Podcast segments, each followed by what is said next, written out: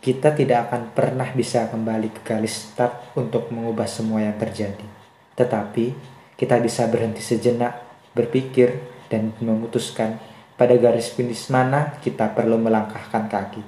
Kembali memperjuangkan diri sendiri lagi.